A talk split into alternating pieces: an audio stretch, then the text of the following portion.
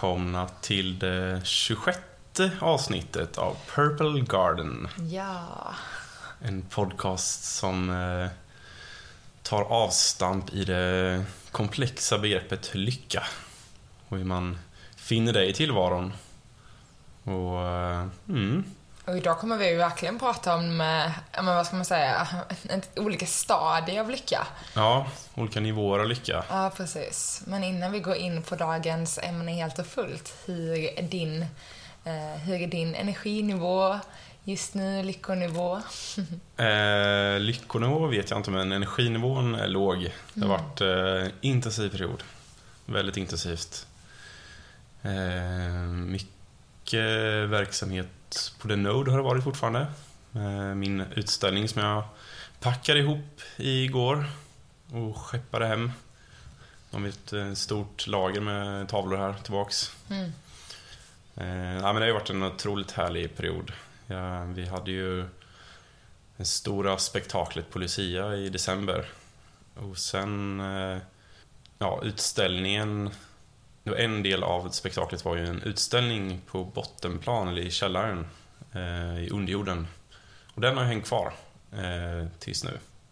Och jag har haft ganska mycket besök och folk som har kommit i efterhand och kollat och eh, Ja, det har öppnat eh, en hel del andra dörrar också. Eh, Så det har varit, eh, varit fullt på drag där. Och nu har vi flyttat en del av utställningen upp till markplan så jag har ja, jobbat med det också. Och varit på en massa andra möten och eh, så jag, jag känner mig ganska mosig. Ja, Det har varit ganska flängigt liksom. Det är en sak om man som jag sitter och verkligen fokuserar på en sak eh, just nu. Eh, Även fast det också är liksom intensivt så är det ju liksom så det är ett fokus. Det känns som du har så splittrats mellan 15 olika håll. Liksom. Eh, Så du får landa och med liksom också perioden i sig, alltså det är början av nytt år. Och vi har dessutom varit i stenbockens period och stenbocken är lite sådär, men ordning och reda men också liksom så jobba på. Alltså nu, det är lite prestation och köra på i stenbocksenergin. Eh, och vara duktig liksom och nu, nu ska jag ta, ta, mig, ta, mig, i krag, ta mig i kragen. Ehm, och eh, jag kan nog tänka mig också, speciellt som är liksom, ja, men hela, ja, men som jag pratade om i förra veckans avsnitt också, att det är så, men det är nytt år, det är så mycket nya förväntningar, sen börjar man jobba igen, det är fortfarande mörkt och en tung period i naturen. Så jag menar, det är, det är lite så mixade, det är lite mixat för oss eh, liksom energimässigt tror jag, allmänt liksom. Ja, man blir inte, får inget gratis utifrån heller. Kallt och mörkt och snöstorm. Eh, Då är det riktig snöstorm. Men jag kan ju trösta dig i alla fall, som den eh, glada vattuman du är, att vi går alldeles strax in i vattumannens tecken. Precis, tänkte precis säga det. Lite friare, lite mer... Eh, eh, ja men, saker och ting kommer liksom så bollas runt lite mer kan jag tänka mig, men på ett så icke-grundande sätt. Ja, vi flyter iväg snart helt enkelt. Ja, exakt. Ja, men det, och på tal om att flyta iväg så var jag på möte, ett av alla möten jag, varit på var ju på Centralbadet igår, vilket var himla trevligt. Satt och i bastun och i jacuzzin och spånade idéer. Det är så man ska jobba. Ja, och det blir ett, eh, en tillställning 27 januari där som jag ska vara med på. Det ska bli himla kul. Mm, roligt. Lite av en spirituell festival skulle man kunna säga. Ja. Och jag ska inte vara så eh, aktiv, utan det är min konst som ska hänga där helt enkelt. Så det blir härligt. Jag ska njuta i jacuzzin och eh, de har ju DJ i poolen, och, eller inte i poolen. det hade varit något. Ja, eh, så det ska bli riktigt nice. Mm, skoj. Hur är det själv? Eh, jo, men det är bra. Gneta på. Alltså så Ja. en dag efter den andra. Ehm, jag ser väldigt mycket fram emot eh, helger. Eh, att tillägga för er som inte vet så jobbar jag väldigt många timmar per dygn. Så även om jag försöker hålla liksom, stressen på en låg nivå så är det många timmar som går till jobb. Eh, många timmar som går till jobb. Eh, Just i januari i alla fall. i januari, precis. Så är det när man är, har sin frihet och konsultandet och frilansar. Då får man ta jobben när de kommer och ibland blir det mycket timmar och ibland eh, mindre. Så ja, nej men jag, det rullar på liksom. Man, jag är väldigt så pannben att uh, ha visat riktningen och det är bara att följa den. Men annars mår jag bra. Eh, Men jag märker ju typ så, alltså längtan efter att bara få vara lite. Eh, Mm. Men, eh, men jag, jag klagar verkligen inte. Jag, jag trivs bra med det här. Jag tycker det är kul att få jobba också. Sen är det ju, mitt problem är väl att jag alltid ska ha så många projekt igång. Liksom. Så Ja. det är som att så två andra projekt hela tiden, eller nästan tre, eh, drar på min uppmärksamhet. Varav två av de projekten är liksom så 95% nästan klara. Så det är bara det lilla som ska tippa över för att jag ska kunna släppa det. Den tråkigaste 5 procenten. Ja, De roligaste 5 lite. procenten är ju de första fem. Exakt. Sen blir det tråkigare. Ja, fast jag tycker båda dessa projekten känns ganska roliga. Eh, och alltså kul att få, jag känner längtan efter att få avsluta dem liksom. Men ja, det är, eh, jag har ändå bestämt att så jag pausar dem nu så tar jag dem i februari. Ja. Eh, men Men då har- ska jag så avsluta dem innan jag tar mig an alla andra fem projekt jag har också. Sen har du ju yogan som ger dig energi i alla fall. Ja, det var ju precis. ganska fascinerande att följa din eh, energi igår. Hur du, det var sju sorger och åtta bedrövelser. Eh, och totalt likblek. Eh, och sen gick du iväg och höll ett yogapass, kom tillbaks och dansade in genom dörren. Och lyste som en sol. ja, nej, men det var ett väldigt fint yogapass. Jag, det fyller ju på otroligt mycket faktiskt, verkligen. Det är jag tacksam för. Jag har hittat något som, som ger så mycket energi. Mm. Och på tal om att dansa in genom dörren så var det just eh, ja, fyra stadier av dansande. Eller fyra stadier av lycka som vi ska prata om idag. Ja. Och vi hämtar eh, inspiration eller eh, visdom från en bok som jag läser nu. Eller som du har läst också. Jag har ju inte läst klart hela, Nej. men jag har ju läst eh, halva, typ fem gånger. Ja. Och det handlar om eh, Osho. Och eh, Joy heter boken. Men det är ju snarare han som har skrivit den, det handlar inte om honom. Ja, nej precis. Eh, men det det är är Osho ord. som har skrivit den och den heter Joy. The happiness that comes from within. Mm. Och vi kanske ska ta lite eh, bakgrund på denna kontroversiella man först kanske. Mm. Han är ju någon form av spirituell lärare skulle man kunna säga. Eller meditationslärare i grund och botten. Från Indien. Och som ligger bakom, eh, ja, sektledare också blev han ju sen.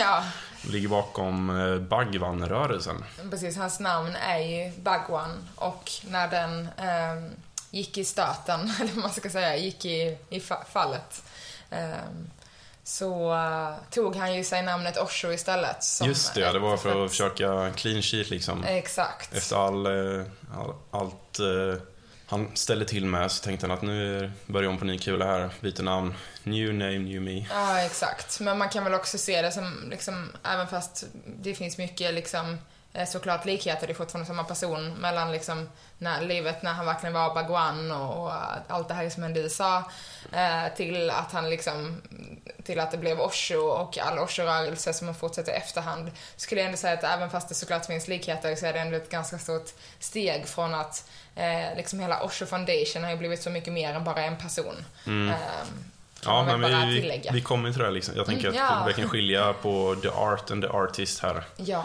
Eh, men sekten i sig var väl egentligen som de flesta andra sekter. Det började med guld och gröna skogar och slutade i storhetsvansinne och kalashnikovs. Det skulle man kunna sammanfatta det. Och den rörelsen, Bhagwan-rörelsen, handlade ju om, eh, man skulle kunna säga, lycka och visdom inifrån. Alltså, lyssna inte på vad alla andra säger, utan lyssna inåt. Och Vi sen är- blev det ju tyvärr ändå så ändå. Men Ja, nej, precis. sekt. Men eh, man, man får ändå säga att det var, jag står helt bakom eh, grundkonceptet.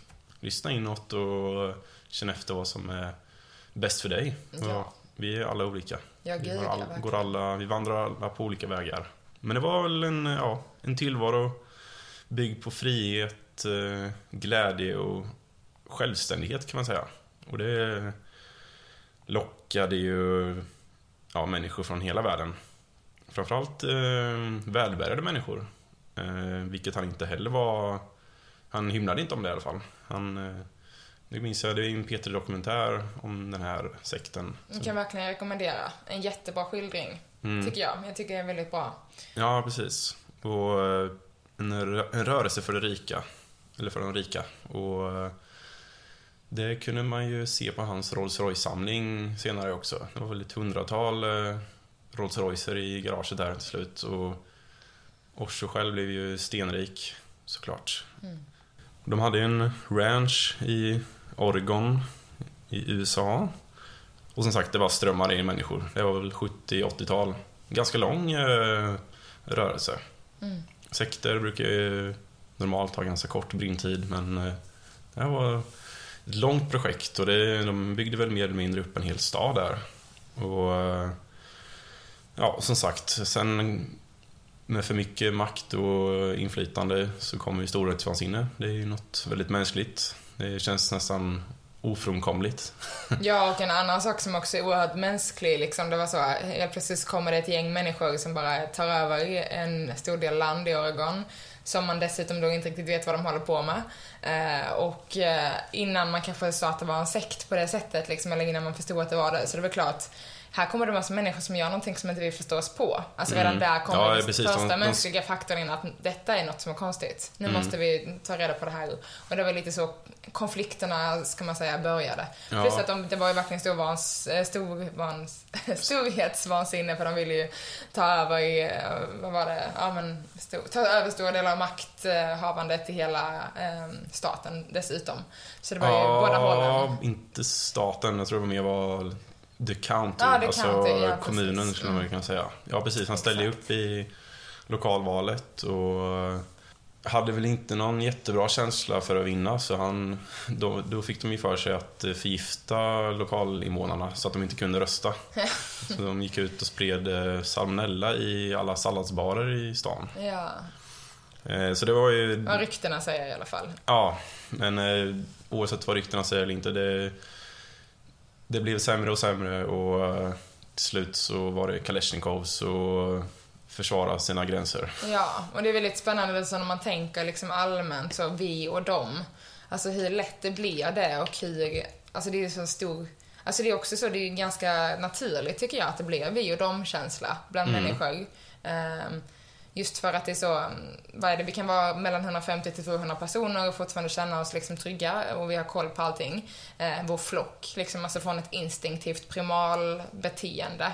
Men så fort det blir fler så har vi svårt att hitta den där liksom, eh, tryggheten. Så primalt i liksom, vår instinkt så blir det så, men de kan vara mot mig för jag vet inte vilka de är och jag kan inte hålla koll på alla de här människorna. Eh, vilket såklart leder till en, en känsla av att, eh, ja men segregering och, och vi och dem. Mm. Eh, som vi ser på väldigt, alltså det blir bara, det här segregeringen om man tittar hela världen över, den blir bara större och större och större. Eh, och jag tycker att det känns som att alla block blir alltid längre och längre från varandra. Mm. Alltså från hela... Vi mot dem. Ja, verkligen. Det kan man ju se framförallt på alla, eh, ja men senaste, vad är det, tre, fyra valrörelserna i USA liksom. Att det. Ja, även här i Sverige. Ja, här i Sverige också såklart. Så det, det, är något som eh, förekommer överallt. Ja. Väldigt mänskligt. Hela metoo, där var det som mannen mot kvinnan liksom. Black lives matters. Ja. Så det är ju väldigt mycket, alltså det har All blivit... lives matters, ja. så var det ju någon annan rörelse. Ja. ja. Ja, men det är verkligen så. Just vi och dem har ju blivit något som uh, har blivit så mycket, så mycket, mycket större senaste bara ja, tio åren. Ja, överlag så har ju, går ju världen i en ganska tråkig riktning när det handlar om att fler och fler lägger fokus och lägger sin energi på saker de inte tycker om. Och som de inte blir lyckliga av. Ja, exakt. Istället för att eh, fokusera på de glimtarna i livet så då ska man eh, ja, lägga sin tid och energi på saker man inte tycker om. Ja, och... så mycket ego. Eller ja. alltså inte ego från ett egoistiskt perspektiv utan egot som talar för att så, oj, de har det bättre än dig, nu måste du lägga din energi på att du har det bättre än dem. Bland annat. Ja, också att det är väl härligt att vara med i ett större sammanhang och träffa likasinnade. Delat, ha delat hat. Usch, ja, ja, så nej, men det är ju alltså. det är så det ser ut. Ja, verkligen. Det är ju bara att kolla på varenda valrörelse. Det handlar ju bara om att ja, men, inga partier som lyfter fram det de är bra på i princip. De lyfter fram det motståndarna är dåliga på. Ja, det är det greedy liksom. Ja, och det har väl eh, Donald Trump är väl eh, mästaren på det. Mm. Han har väl tagit det till en helt ny nivå. Ja, jag tror de flesta börjar följa hans exempel ganska bra tyvärr. ja. ja. Nog om Trump. En annan eh, liten anekdot från den här Bagvan-rörelsen var ju att eh, de sög in Ted Gärdestad i det här också. Han eh, var väl eh, enligt eh, sägnen så var han ju trött på eh, poplivet och att vara superkändis och ja, han kände att det inte fanns mycket syfte och mening i tillvaron så han anslöt ju dit. Vilket kanske inte gjorde hans eh, mående bättre. Utan det eskalerade ju åt fel håll. Och sen eh, var han ju knappt kontaktbar efteråt. Han kände också ett stort svek, att han trodde verkligen att det här var någonting på riktigt. Och sen visade det sig att det var egentligen bara Bhagwan eller Osho som eh, ville bygga upp sin Rolls Royce-samling och ja. Mm. Well, well. Och som sagt, vi får skilja på the art and the artist här. Eh, för det är trots allt en lära som lever kvar långt efter hans... Eh, ja, efter att Bagman-rörelsen stängde igen butiken. Och det är ju ja, må många, ja, framförallt i yogasammanhang, många institutioner och retreatcenter och ja, annat som eh, följer de här lärorna. Ja, gud ja. Det finns ju många så Oshi Foundations eh, center runt om i världen där man verkligen ja, men dels kan jobba väldigt djupt in eh, liksom kring sig själv och, och komma till kärnan och botten av, av vem man är med hjälp av många av de här metoderna, framförallt dynamisk meditation som jag skulle säga är en av de mer eh, kända i sammanhanget. Men eh, Osho har ju väldigt många eh, aktiva meditationer som allmänt går ut på att eh, för att vi ska kunna stilla sinnet så måste vi stilla rastlösheten i vår kropp. Mm. Eh, och därav den aktiva eh, meditationen, alltså där vi mediterar i rörelse. till exempel med skakningar, dans, för att sedan faktiskt få ut den där rastlösheten och kunna stanna upp och faktiskt lyssna inåt. Mm. Så det kan man säga är lite grunden till en, en stor del av alla hans eh, meditationer som är uppkommit från honom. Mm.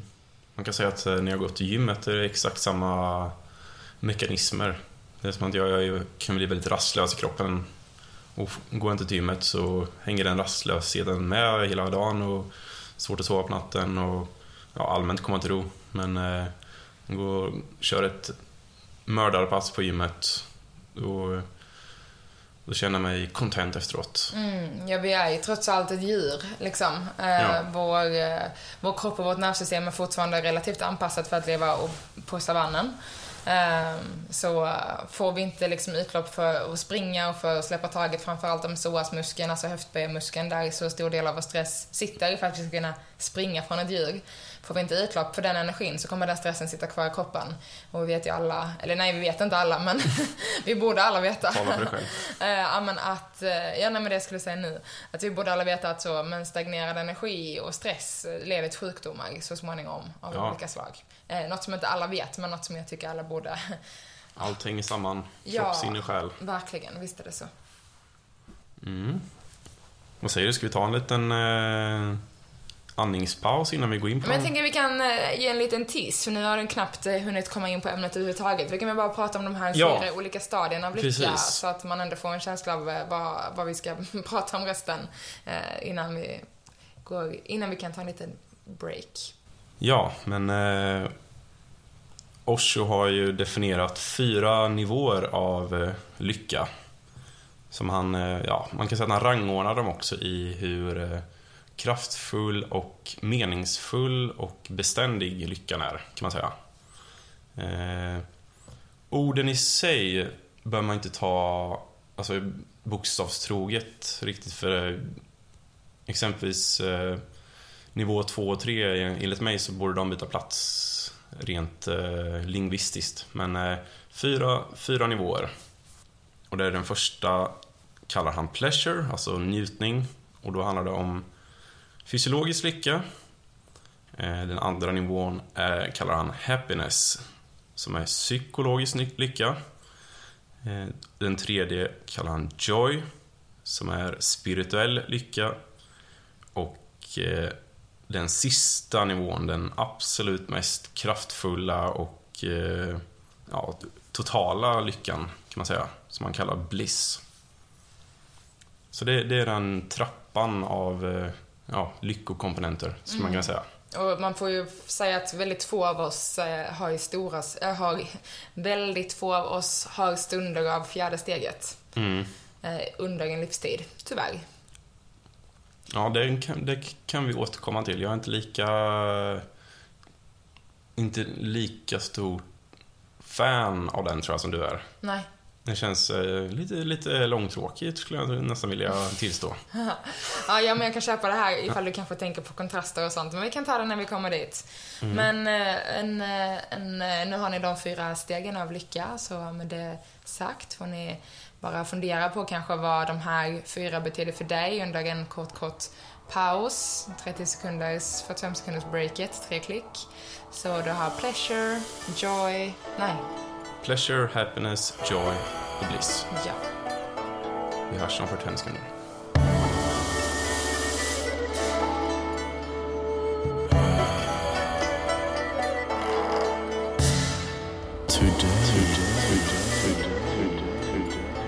I'm gonna do nothing.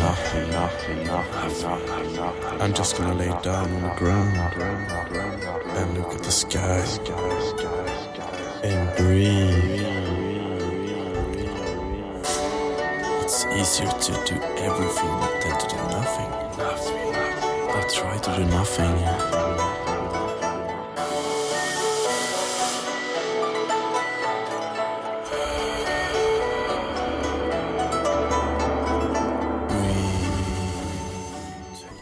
Alright, välkomna tillbaka. Så 45 sekunders eh, sinnelig paus. Ja, något som vi alla behöver oftare. Och ja, vi teasade ju lite om de fyra nivåerna tidigare. Och vi kan ju hoppa in i den, eh, i den första. Den, eh, den mest ytliga enligt eh, Osho då. Alltså pleasure, njutning. Eh, Jag tycker det är, jag tycker, ja, kropp, alltså kortsiktig kroppslig lycka skulle man kunna säga. ja precis. För njutning kan ju också vara så himla mycket olika saker. Man ofta, eller precis, vi kan ju ofta koppla den njutningen till kroppsliga sensationer av olika, sak, eh, olika slag. Men det kan ju också vara kopplat till eh, käns, alltså våra, våra fem känslor. Mm. Eh, Sinnen menar. Sinnen. Ja, vi bara, ah gud, helt smooth i hjärnan. Vi, ska vi... Eh, ja, men det han, det han säger om just pleasure, eh, alltså njutning, är att den är väldigt kortsiktig. Den är beroende av att du gör någonting, alltså något, en yttre faktor. Ja, Han pratar ju ofta om mat och sex som de två eh, exemplen. Det är väl de vi oftast eh, har koppling till. Men jag tycker också många... Eller en kall öl i solen skulle man kunna ka- kasta in här också. Ja, men jag tycker också, eller så för mig, kan en sån njutning och pleasure kan vara alltså absolut mycket mer. Alltså kroppsliga sensationer i till exempel, ja men jag gör ju mycket så somatiska rörelser och frigörande dans, så att jag är liksom, kroppen helt får styra vart jag rör mig någonstans. Eh, där jag verkligen går in med sinnet och känner insidan av min kropp liksom. Eh, hur armen rör sig. Och för, det, för mig blir det en otrolig njutning av att få utforska min kropp. Liksom. Men det är ju en sinnelig utforskning av insidan av min kropp, men jag känner ju den fysiskt. Ja, Jag tycker den är, den är svår den mixen med, med det fysiska och psykologiska liksom. Men medan det kanske men mer då så... skulle jag säga att du är någon, någon, någon kombination av pleasure och happiness då. Ja, precis. Det är på vägen emellan liksom, lite grann. För det han menar här är ju att människor som enbart lever för, eh, för njutningen, alltså att de mäter en god bit mat och bara mm, jäklar vad gott alltså. Men sen, eh, den är ju kortsiktig den eh, sensationen. Den försvinner ju så fort man är klar. Fast ibland så kan man ju säga bara, åh fy fan vad gott det var med mat. Ja, För att också så vi äter så många gånger per dag. Mm. Så är det ändå så, även fast det är kortsiktig lycka, så är den ju relativt beständig. Alltså, ja nej alltså jag håller inte med oss Ja, i nej, allt här. nej, nej, nej. Jag refererar bara till vad Ja, han ja, säger. ja, här. ja, jag talar inte emot dig. Jag bara lägger fram en annan. Men sagt, den är väldigt kortsiktig och den eh, är beroende av yttre omständigheter. Att du äter en, en eh, krämig pasta eller har rajtan tajtan i sänghalmen. Nej men det är, det, är- det är som sagt beroende av, av andra saker. Det kommer inte inifrån, det kommer utifrån. Eh, Om man går vidare till nästa nivå så säger han att det här är ganska likt eh, njutning eller pleasure, men alltså happiness då som man kallar det. Eh, Men att det är mer eh, psykologisk lycka. Eh, då kan det exempelvis vara att du blir upprymd av musik eller poesi eller ja, skapande, kreativt skapande. Eller att du ja, är ute i naturen. Och det är också en relativt kortsiktig lycka. Men som man säger, den, kan ju, den är inte riktigt lika kortsiktig som eh, den fysiologiska. För eh, exempelvis om du lyssnar på en låt som du tycker är riktigt bra, då kan ju den låten leva kvar i sinnet hela dagen. Och du går runt och nynnar på den. Fast kan inte den där riktigt goda pastan göra det också? Ja, kanske för dig möjligtvis. För alla oxar där ute. Ja. Eh, Men den också, också att en, en riktigt bra låt kan ju trigga andra saker. Exempelvis för mig när jag målar, lyssnar på mycket Pink Floyd. Det stimulerar min eh, kreativitet att lyssna på bra musik.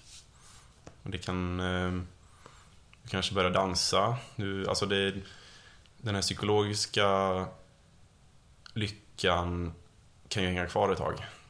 Men det är fortfarande beroende av yttre faktorer. Ja, precis som, precis. så du kan, det är ingen lycka du kan få bara sådär. Nej, det kan man också säga liksom, ehm, alltså att en psykologisk lycka, att stora delar av den psykologiska lyckan tryggar ju eh, en del hormoner i kroppen. Till exempel med det här att vara ute i naturen. ehm, det ger ju en, ett, ett hormonpåslag som är lite mer beständigt än kanske bara, alltså visst sex och mat är också väldigt starka hormonpåslag eh, fysiskt i kroppen också. Men lite mer eh, kortsiktiga för stunden medan det andra påverkar faktiskt livet lite mer. Mm. Och den här kategorin är han lite mer snäll mot. Han är ju just pleasure och fysiolo- fysiologisk lycka, det sågar han ju totalt. Och det är väldigt spännande också med tanke på att eh, han var väldigt eh, eh, positivt bemötande mot eh, sex. Och att alla skulle, eller att det var väldigt fritt med det liksom. Eh, och att njutning var en stor del av livet. Han förespråkade det ju väldigt mycket när de var i Oregon och byggde upp eh, liksom landet där. Då förespråkade han ju väldigt mycket med sex och njutning och att så, vi har inte sex för att skaffa barn, vi har sex för att njuta. Det var ju något han, eh, han pratade mycket om. Mm. Liksom, vilket är väldigt spännande då att han då nu senare i den här boken tar upp en annan grej. Så han har väl troligtvis också växt under sin egna resa. Ja, eh, det var också. kanske var efter alla Rolls Royce-inköp han upptäckte det. Ja. Det är också en eh, väldigt kortsiktig lycka att köpa en lyxbil. Ja, exakt. Eh, som sagt, Bhagwan innan rörelsen gick under Osho i efterhand. Och han försökte inte med något sånt här igen, så troligtvis lärde han sig väl något under sin, sin tid, sina år. Men i alla fall, de två första, man skulle kunna klumpa ihop dem till kortsiktiga, kortsiktig lycka som är beroende av yttre faktorer. Eh, den ena fysiologisk och den andra psykologisk. Och den tredje, alltså joy, som han benämner det, alltså spirituell lycka. Då behöver vi komma in på en nivå som inte har med yttre omständigheter att göra, utan det kommer ju inifrån. Ett stadie av inre frid och content helt enkelt. Att Ja, man är väldigt, förnöjsam. ja, förnöjsam är ett bra ord. Ja, förnöjsamhet. Ja, men att man är väldigt, eh, ska man säga, ja men eh, förnöjsam över tillvaron. Det, är- det är härligt att gå upp på morgonen. Det känns eh, meningsfullt att gå upp på morgonen.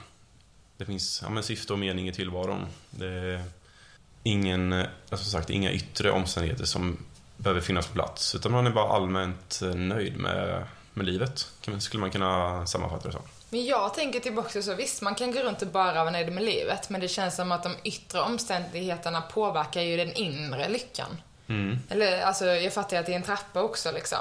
Men jag menar, säg att jag har fantastiska vänner, en underbar man, familj som bryr sig. Men alltså, jag har goda relationer i mitt liv, jag gör någonting som eh, ger mig energi och som känns meningsfullt. Alltså kanske jobbmässigt. Jag har hittat eh, fritidsaktiviteter som ger mig kanske både eh, men, eh, pleasure och eh, eh, happiness liksom, steg ett och två. Och om jag har alla de delarna på plats så kanske jag finner den här spirituella lyckan mycket, mycket enklare. Alltså det måste inte vara så, men det känns ju som att Alltså om livet är gött och allting bara rullar på, det är så, men då är jag lycklig. Eller för jag vet, mamma pratade lite om det, här, så, för hon har ju lyssnat mycket på podden och reflekterat mycket kring vad lycka är för henne. Och då kan hon ju prata, alltså hon har ju mycket av den här spirituella lyckan, alltså hon är så mycket förnöjsam med livet. Men hon kan ju vara så bara, nej men jag är så glad, alltså att så, men familjen gör mig lycklig. Som här, när vi hade din mamma i podden, så, men, se mina söner, alltså att det är så, även fast det är på en spirituell nivå så är det också så att de där yttre omständigheterna ger en inre lycka. Mm. Ja, men jag tror snarare att man behöver inte fylla på med fysiologisk och psykologisk eh, lycka hela tiden för att, det ska, för att man ska vara lycklig. Det tror jag är mer det han är inne på. Att, ja, absolut, att jag skulle inte vilja leva utan bra musik och njutning i alltså, form av god mat eller en kall öl i solen. Det bidrar till min lycka också såklart. Men eh, sen kommer det vissa perioder som jag i princip inte unnar mig någonting. Jag, men jag bara känner det, det är nice. Jag, när jag vaknar på morgonen så känns det, ja men det här kommer bli en bra dag. Utan att jag ens vet vad som kommer hända så, ja men det, det, jag har en god känsla i kroppen liksom. Någonting som kommer inifrån. Och det är inte att det kommer musik i högtalarna eller att jag har en eh, chokladbit i munnen liksom. Men det ska det inte. Men det skadar inte, nej. Nej, men det blir lite spännande för ehm, det är också som, tittar man på den här trappan så smalnar det också ner till mot exempelvis att så ju mer jag plockar bort eh, desto mindre har jag att binda min uppmärksamhet vilket betyder att jag kan vara mer och mer i nuet vilket också innebär lycka liksom. Mm. Eh, eller jag tror att närvaro ger en större lycka i livet. Ja, Eh, definitivt. Och det är också så, om vi plockar bort allt det här fysikaliska eh, och, och kan finna oss i det som är, då kanske det också ger... Eller så enligt den här trappan så känns det som att det ger mer. Ja, nej, men jag tror också att spiri- lycka. spirituell lycka är beroende av många yttre faktorer. Men kanske inte på att, att man behöver kickarna hela tiden. Att man är generellt content med tillvaron. Man behöver inte jaga fysiologiska eller psykologiska kickar för att upprätthålla den lyckan. Utan att de, de fysiologiska och psykologiska lyckokomponenterna är mer en bonus. Om du förstår vad jag menar. Att eh, livet är nice som det är. Sen kan man spetsa till det med en eh, krämig pasta eller ja, kall öl i solen om vi ska använda det som exempel. Men att det finns en hög lägstanivå, att man har en grund, vad ska man säga, grundlycka, Ja.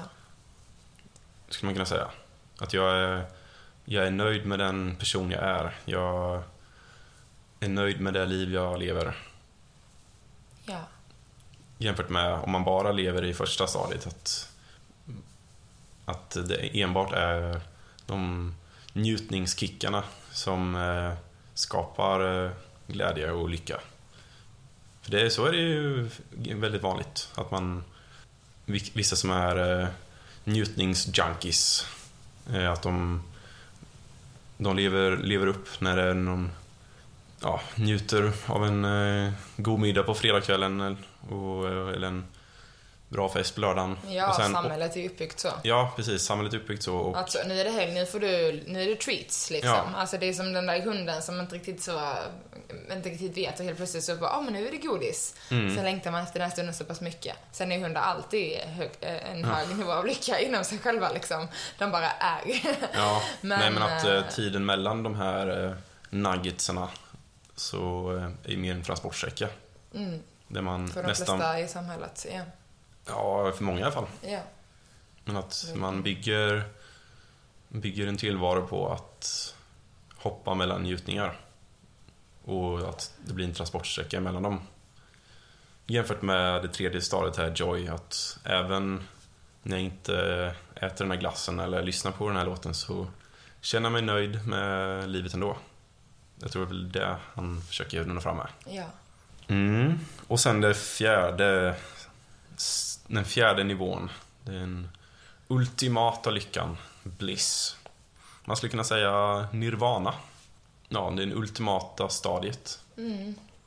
Konstant eufori. Ja, eh, och som man säger, total egodöd. Att du... A state of non-being. Eller eh, just an infinite emptiness like the sky. Som man formulerar det. Eh, och det måste jag, till- måste jag ändå tillstå, det känns ju fruktansvärt trist att vara en non-being. Och att vara, och känna total tomhet. Fast det är ju, du har ju inte egot längre så egot kommer inte kunna göra den bedömningen. Ja, nej, Exakt, så det, det är ju en, det är en paradox det här. Ja, för det är också så, eller om man, det är ju en, en teori är ju att vi alla är från det stadiet i vår själ, liksom. Ja. Men i Ja, jorden, vi i föd- den här kroppen. När vi föds så är vi ju förmodligen i det stadiet. Eh, Nu har vi inget ego. Nej, precis. Men vi kan fortfarande ha fysikalisk olycka. Ja, jo, det ska gudarna veta.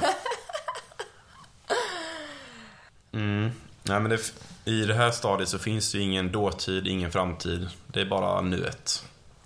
Man bara är. Man Ja. gör ing, man, det finns inget man vill åstadkomma eller göra, utan man bara är. Ja, och det finns ju teorier som sagt att det är där, det är, där, det är själens naturliga tillstånd eh, när den inte är förkroppsligad eller Mm. eh, jordesatt på något sätt. Mm. Men teorier som jag... Men det jag mig känns, det känns ju också som en, en, en nivå som man bara kan uppskatta om man verkligen är där. Ja, men jag tror inte man är där om man eh, är på den här jorden. Alltså, för- för det, mig- för fjärde stadiet är så, visst det finns där, men det är så... ja, Alltså man kan uppleva den, alltså för det är därför jag tycker så bliss och nirvana, liksom egodöd. Det är som att vi hamnar inte ens där, den mest upplysta människan hamnar inte ens där. Men vi kan absolut hitta stunder av den där fullständiga euforin. Men det, jag tror inte det är ett beständigt stadie. Liksom. Mm. Tror du inte det? Nej. Inte, Nej, han- inte här. För han refererar ju till Buddha. Och han Ja. var ju en, eh, en upplyst man. Ja, jo absolut. Undantaget. Ja, nej, men jag, tror jag tror nog att människor kan nå dit. Jag, jag vet inte, det, det känns som att men det upplysningsstadiet det är så... Ja, nej, jag vet inte. Det känns bara som att Det så... misstolkas ju också som att det blir någon form av gudomlig nivå och det handlar det inte om. Det handlar ju bara om en 100% konsent över att vara här och nu. Ja, Och att det är ingenting jag vill uppnå, det är ingenting, jag har ingenting, eh, inget bagage som, som eh, äter på mig liksom. nej. Jag, jag tror säkert att det finns en hel del eh, munkar i Tibet som har nått dit. Ja, troligtvis. Jag vet inte, den känns svår. Den är så himla... Abstrakt. Ja, verkligen. Och även om det är så, även om folk kanske är där liksom. Så är det så bara, men...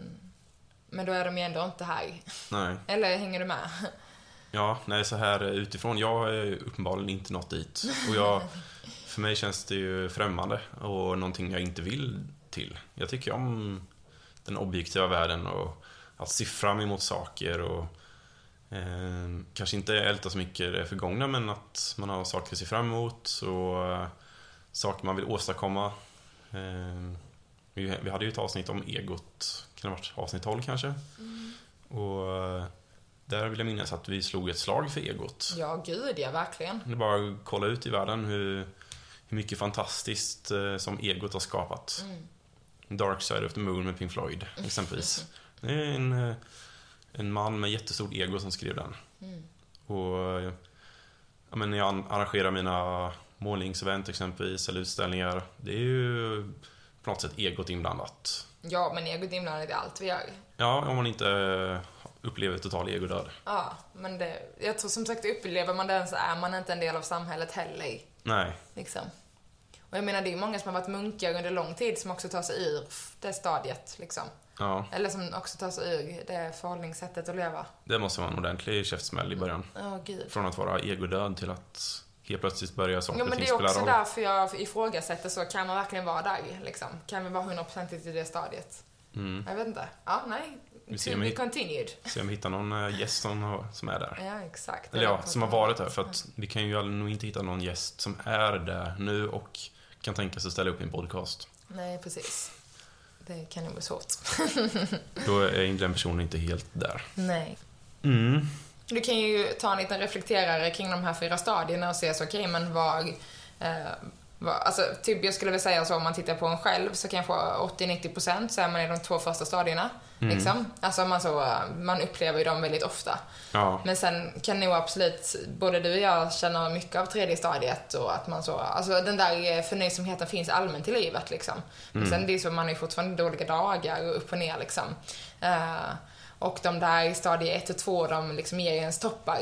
Men du kan ju se om du kan hitta någon, någon liksom så, men var är du någonstans i ditt liv? Har du någon känsla av att så livet är gött eller lever du för helgerna? Lite som jag gör nu, nu lever jag lite för mina helger. ja, Ehm, men så du, ja, se vad du är någonstans. Reflektera lite kring vad lycka genom de här fyra stadierna innebär för dig. Liksom. ja och framförallt eh, fundera över, kommer all eh, lycka eller glädje i livet, kommer det utifrån? Är det beroende av yttre faktorer? Eller finns det liksom eh, en tillströmning inifrån? Alltså kan du hämta saker inifrån som får dig att må bra?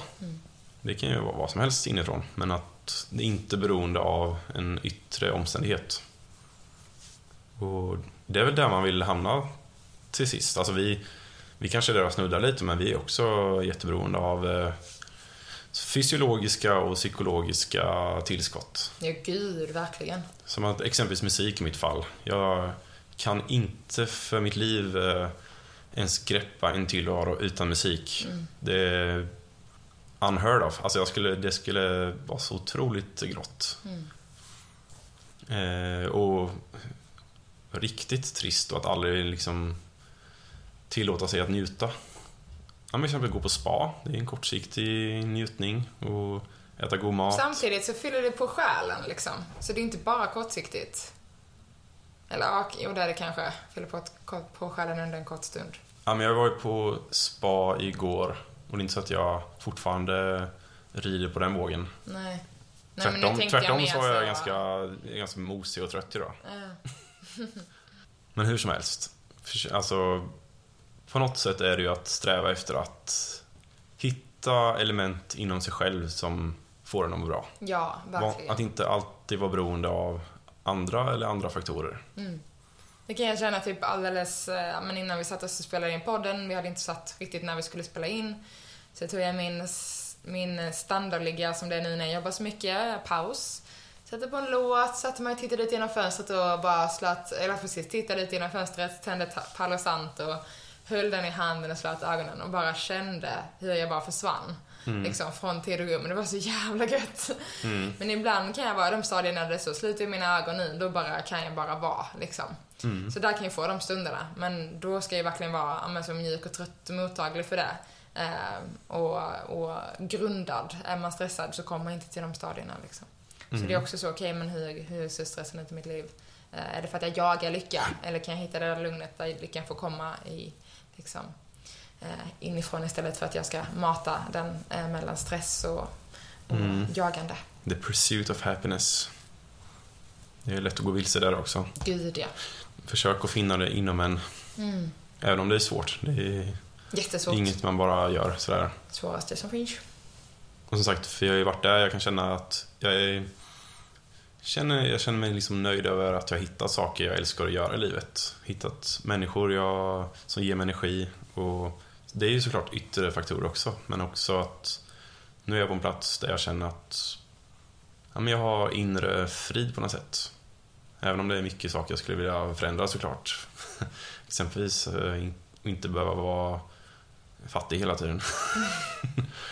Eh, men trots att jag sällan har möjlighet, eller finansiella möjligheter att njuta och unna mig saker så känner jag att tillvaron är väldigt behaglig och stimulerande.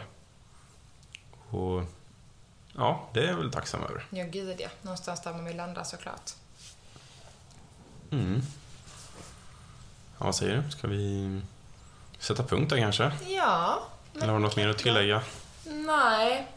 Alltså verkligen så, rannsaka dig själv. Jag tyckte det var det så bra det du sa. Vad är liksom, eh, kommer från yttre omständigheter? Vad kan jag hitta i min inre lycka?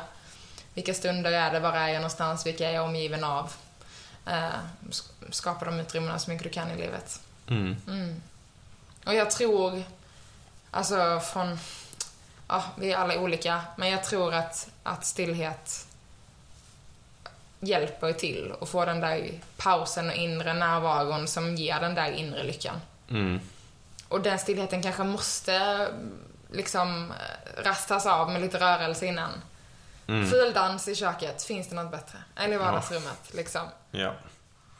Så... ehm, men det är också såklart en yttre omständighet. Men jag tror att... Ja, det måste inte heller vara så svart och vitt liksom. Vi måste Nej. inte komma till stadie 3 och 4. Utan jag tror livet ska få vara den här mixen Ja, eh, av ja. allt liksom. Vi vill ha toppar, vi vill ha dalar. Mm. Eh, tänk om allt skulle vara jämnt hela tiden, det skulle vara ganska tråkigt. Ja, nej, precis. Men det är ju toppar och dalar, men också att det finns någon form av eh, stabil grund på något sätt. Att eh, jag är på, eller det känns meningsfullt att gå på morgonen. Jag är på en intressant resa framåt. Eh, såklart det är också beroende av yttre faktorer, men att man ändå känner att ja, ja men det, det är meningsfullt att, att leva. Ja, så viktigt, så viktigt. Mm. Men med de orden tackar vi för att ni har lyssnat på det här avsnittet. Och eh, ja, önskar er en sån där härlig fredag och helg om ni lyssnar när vi släpper det här. Annars får ni bara ha en underbar, underbar dag. Mm. Vecka. Ja. Hitta dina lyckostunder. Jag ska gå och ta mitt choklad nu för jag är så jädra sockersugen. Mm. Chokladsugen. Fylla på med lite fysiologisk lycka. Exakt, nu ska det fyllas på med fysiologisk sis- lycka. Sista, sista rycket. Och jag sätter väl på lite Pink Floyd i högtalarna, fyller på med lite psykologisk lycka. ja. ja, och sen tar vi det vidare. Mm. Dagen och livet. Ni hittar oss på Our Purple Garden på Instagram och så hörs vi igen nästa vecka. Mm. Ta hand om er. Puss och kram! Puss och kram.